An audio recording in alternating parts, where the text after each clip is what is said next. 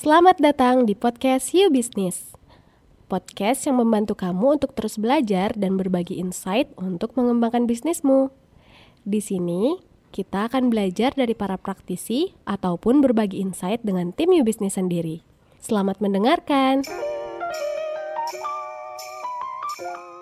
Halo semuanya, kembali lagi di Tanya Yumin episode 8. Nah, kali ini ada pertanyaan soal menentukan suatu harga produk. Jadi kemarin kita posting di Instagram tentang cara menentukan harga suatu produk.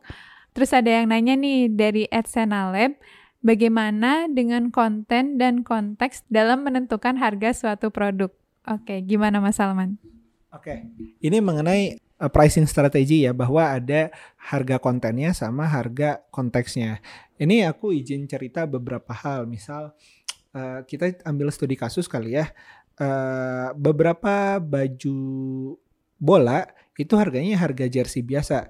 Tapi ketika baju bola itu dipakai di final Piala Dunia, harganya jadi bisa sangat mahal. Jadi udah bukan uh, kain yang dipakai buat olahraga lagi tapi kain yang dipakai buat olahraga dan jumlahnya cuma ada 22 aja pemain yang yang main di final itu plus pemain cadangannya. Nah, itulah harga konteks. Harga konteks ini tentu uh, agak gelap ya, tapi sebenarnya kita bisa melihat nilai apa yang pengen uh, orang dapat dari uh, konten tersebut sehingga dia dapat konteksnya. Misal contoh untuk satu produk yang sama sebenarnya kamu misal tahu nggak sih produk kayak Kiranti?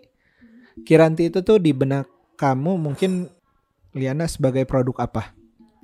Produk peredar rasa sakit. Nah padahal sebenarnya rasa sakit apa? Uh, haid. Nah itu tuh sebenarnya kalau kontennya kita ngelihat itu sebagai minuman kunyit. Yang sebenarnya buat orang yang sakit mah minuman kunyit ini bisa juga tapi konteksnya untuk pereda head. Nah, reda head itu kan uh, terjadi katanya katanya ya perempuan nyelekit banget bahkan bisa naikin emosional. Nah, maukah seseorang bayar sekian harga buat menghilangkan rasa emosionalnya?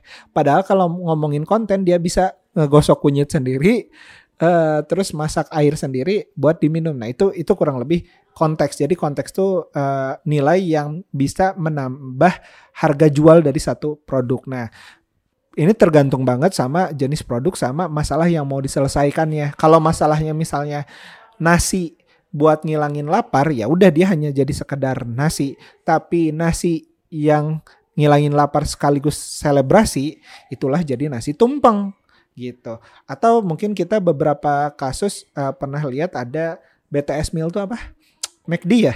Kalau sekedar McD sebagai uh, jajanan makan siang, ya udah itu harga harga makan siang tapi ketika konteksnya jajanan makan siang yang limited edition cuman ada uh, di waktu itu aja dan itu idolaku harganya bisa mahal. Mungkin ada pernah pernah lihat kayak di beberapa marketplace ada bungkus BTS meal yang dijual sampai 500 ribu? Nah itulah konteksnya dan ada loh yang nyari dan ada yang beli.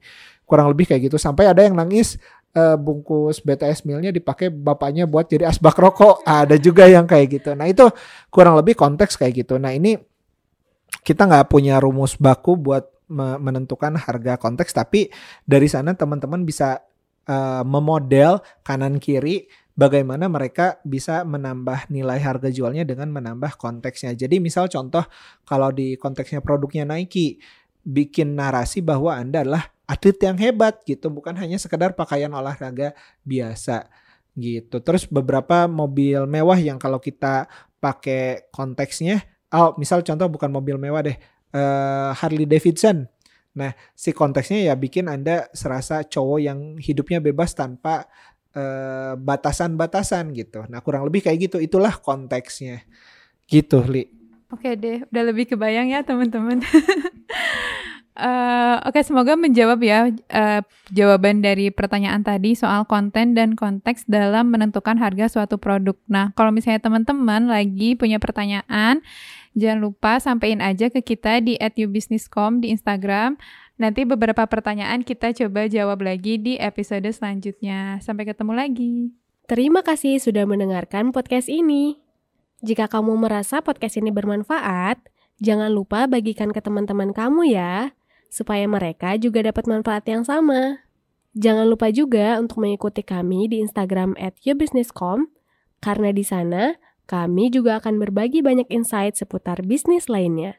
Sampai bertemu di episode selanjutnya.